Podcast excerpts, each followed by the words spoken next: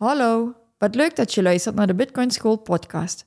Voordat de les begint, willen wij nog even onze disclaimer opnoemen. De podcast en onze website zijn geen financieel advies en enkel bedoeld voor algemene informatiedoeleinden en entertainment. Vind je onze podcast leuk? Hecht je er waarde aan en wil je de podcastaflevering al een dag eerder beluisteren? Neem dan een kijkje op petjeaf.com slash bitcoinschool. Alvast bedankt en dan beginnen we nu aan de les.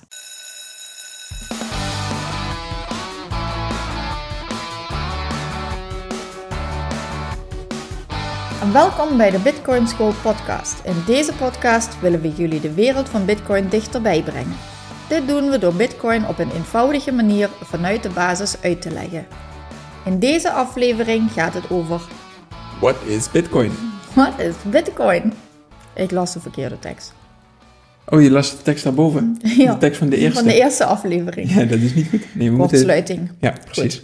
Nadat we dit al drie keer hebben opgenomen eh, en ik dat weer ehm, op de Marina's manier aan de perfecte ehm, layout wilde en in een perfecte structuur wilde hebben, hebben we besloten dat we dat loslaten en dat we gewoon zoals we zijn erop loslullen en we zien wel hoe het gaat. Ja, we gaan gewoon een gesprek voeren. Dat, ja, leuk. ja, dat, dat, dat doet een stelletje, doet dat wel eens met elkaar, een gesprek voeren. Zullen we dat gewoon ook nou doen, maar dan Ik denk opnemen? dat er weinig eh, stellen zijn die het over bitcoin hebben, dus daar eh, willen we graag veranderen in brengen. Ja. Dus bij deze, Paul, waar, eh, waar gaan we het over hebben? ja, vandaag de vraag, wat is Bitcoin? Vertel. Wat, oh, ja, ja. ja en, en we hadden daar... Ik vind dat we de structuur nou iets te zeer loslaten. Nee, dat maakt niet uit, dat is helemaal goed. Oké, En dit nemen we ook gewoon mee in de recording, is helemaal geen probleem. gaan we niet knippen. Nee, gaan we niet knippen, nee. nee. Wat is Bitcoin? Bitcoin is, het wordt wel eens liefkozend gezegd, het geld van het internet. Het is geld en waarde wat je over internet kan versturen. Dat is Bitcoin. In de kern, als je het zo bekijkt. Waarde wat je via internet kan versturen. En het grappige is op het moment dat je via het internet of een computer, als je iets naar iemand verstuurt, Stel dat ik jou een foto stuur via WhatsApp of iets dergelijks, dan is er niet meer één foto, maar dan zijn er twee foto's. Want ik heb de foto en jij hebt de foto. En het was eigenlijk totdat Bitcoin ontdekt werd, ja, wa- was, bestond dit nog niet dat je dus iets hebt wat je kan versturen via internet en dat ik het daadwerkelijk niet meer heb en dat jij het dan wel hebt. En Nou ja, daarmee- niet rechtstreeks moeten we erbij niet rechtstreeks. Ja. Ja. Ja. precies. Dus dat eh, in, in de kern is dat Bitcoin. Waarde wat ik kan versturen via internet, zodat ik het niet meer heb en dat jij het wel hebt. En wat het uniek maakt, is dat er dus niemand tussen zit. Bitcoin is een, ze noemen het een decentraal netwerk. En als je gaat kijken naar bijvoorbeeld, als ik jou een berichtje via Facebook stuur, nou, dan wordt, wordt dat berichtje, dat stuur ik naar de servers van Facebook. En dan komt het op een gegeven moment komt het bij jou binnen. Maar dan ben ik dus afhankelijk van Facebook. Nou, het gebeurt niet zo vaak, maar stel dat Facebook eens een keertje plat ligt, dan kan ik jou geen berichtje sturen. Hetzelfde Nou geldt ja, met of WhatsApp. dat, ja, precies. Of dat zij, eh, om welke reden dan ook, die we in het verleden hebben gehad, eh, daar een censuur of iets overheen eh, leggen. En dus kunnen bepalen welke berichtjes wel of niet verstuurd mogen worden, gepubliceerd mogen worden. Ja, exact. Ehm, dus je bent heel erg afhankelijk van een derde partij. Ja, en bij Bitcoin is het idee dat de derde partij, dus het centrale punt, wat hetgeen kan regelen, controleren, wat in dit geval Facebook eh, het geval is, dat die compleet geëlimineerd wordt, dat die weggehaald wordt en dat het via een decentraal netwerk, zoals ze dat noemen, geregeld wordt. En hoe werkt dat dan? Als ik dan geen derde partij meer heb, hoe kan ik het dan rechtstreeks naar jou sturen? En hoe weten we dan ook dat dat klopt? En Nou. dat het ook daadwerkelijk verstuurd is? Dus een soort van controlefunctie die je wel hebt bij een... Nou ja, goed, bij Facebook is dat misschien niet het goede voorbeeld, maar laten we het weer hebben over geld en waarde. Mhm. Dan hoort daar toch een bepaalde controle bij. Ik kan niet meer geld versturen dan dat ik heb. Dat Nee, soort precies. dingen. Dan moet Ja. wel ergens vastgehouden worden dat er bij mij iets weggaat, dat er bij jou iets bij komt. Ja, en nou laten we even het, het, ehm, de banken dan als voorbeeld pakken. wat gebeurt er op het moment dat ik geld naar jou toe wil sturen? Dan zeg ik, ik wil 100 euro wil ik naar jou overmaken. Die opdracht die geef ik aan mijn bank. En mijn bank gaat kijken, hm, heeft Paul dat geld überhaupt wel op de rekening staan, ja of nee? Mijn bank is dan de centrale partij. Op het moment dat ik die 100 euro wel heb, dan zegt de bank, oké, dit is een transactie wat goedgekeurd is. En de bank regelt dan dat er naar jouw bankrekeningnummer, naar jouw IBAN-nummer, dat er geld overgemaakt wordt. Dus een transactie wat ik... En dat houden zij ergens vast. En zij houden dat vast in een, opgeschreven. In een, in een kasboek wordt dat, uh, wordt dat bij hen bijgehouden. Centraal geregeld. Bij Bitcoin is het decentraal geregeld. Daar heb je ook te maken met een kasboek. Eh, op het moment dat ik de Bitcoin software zelf zou hebben draaien, kan ik een transactie sturen. En op het moment dat ik meer geld naar jou wil overmaken dan dat ik daadwerkelijk heb, stel dat ik één bitcoin heb en ik wil er twee naar jou overmaken, dan zegt de software al van, hé, hey, dit gaat niet, dit lukt niet. Nou, hoe dat precies werkt, dat gaan we natuurlijk eh, later nog uitleggen, want dan wordt het al vrij technisch. Maar het belangrijkste om even te onthouden is, het is decentraal, je hebt geen derde partij nodig. Ja, inderdaad, klopt. Dus je kan rechtstreeks dingen overboeken. Ja, en dan is een van um, het decentrale is een belangrijke eigenschap van Bitcoin. En een belangrijke andere eigenschap is, um, nou, als ik twee dingen nog aan mag vullen, is dat het open source is. En met open source is dat de softwarecode, want het is software wat draait. Maar die is volledig, de broncode is volledig in te zien en zelfs aan te passen door iedereen. En dat er een maximum van 21 miljoen bitcoin zijn die er ooit zullen komen. Dat zijn twee dingen. Het tweede gedeelte, die maximum 21 miljoen, zorgt ervoor dat het daadwerkelijk waarde gaat krijgen. En open source betekent dat dus de broncode daarvan publiekelijk toegankelijk is. Dus het is niet dat dat, dat, dat ergens. Uh, um, uh, het, het is allemaal zichtbaar en openlijk uh, in te zien. Dus iedereen kan ook controleren of de code de juiste code is. Ja, de spelregels zijn. Ja, de spelregels zijn bekend. Ja. ja. precies. Bekend in te zien. Ja, en, dat is natuurlijk compleet anders dan, dan het eurosysteem waar we op dit moment in zitten. We, zitten, uh, we zijn dit op dit moment in 2023 aan het opnemen. Vorig jaar hebben we een gigantische inflatie gezien.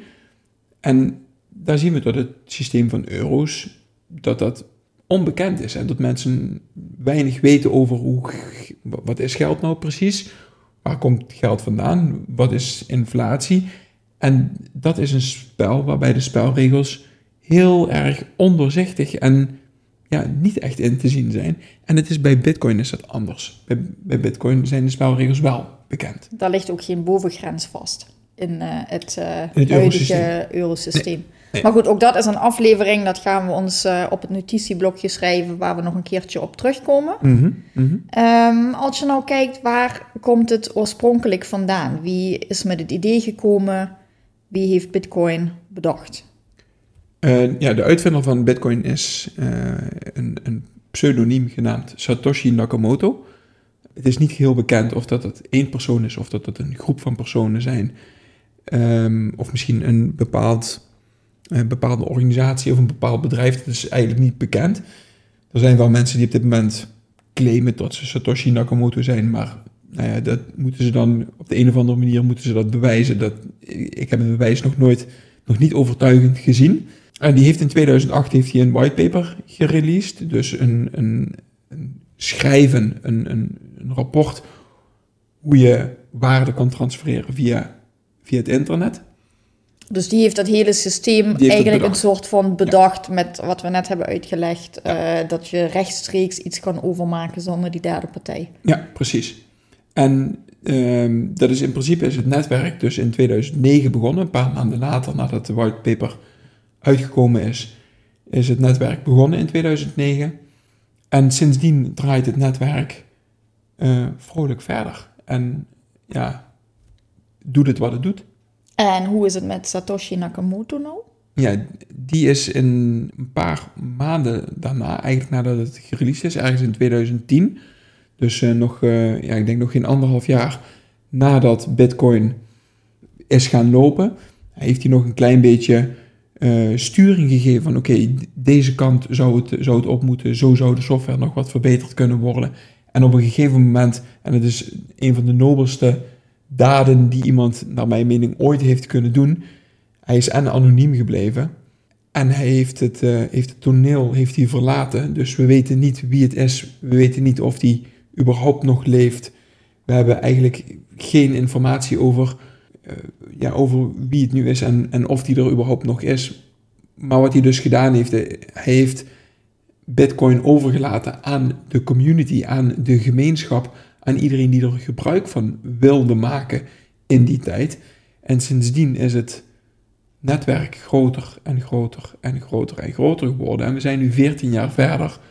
En het draait in principe nog steeds zoals het met het eerste blok begonnen Toen is. bedacht is. Ja. ja.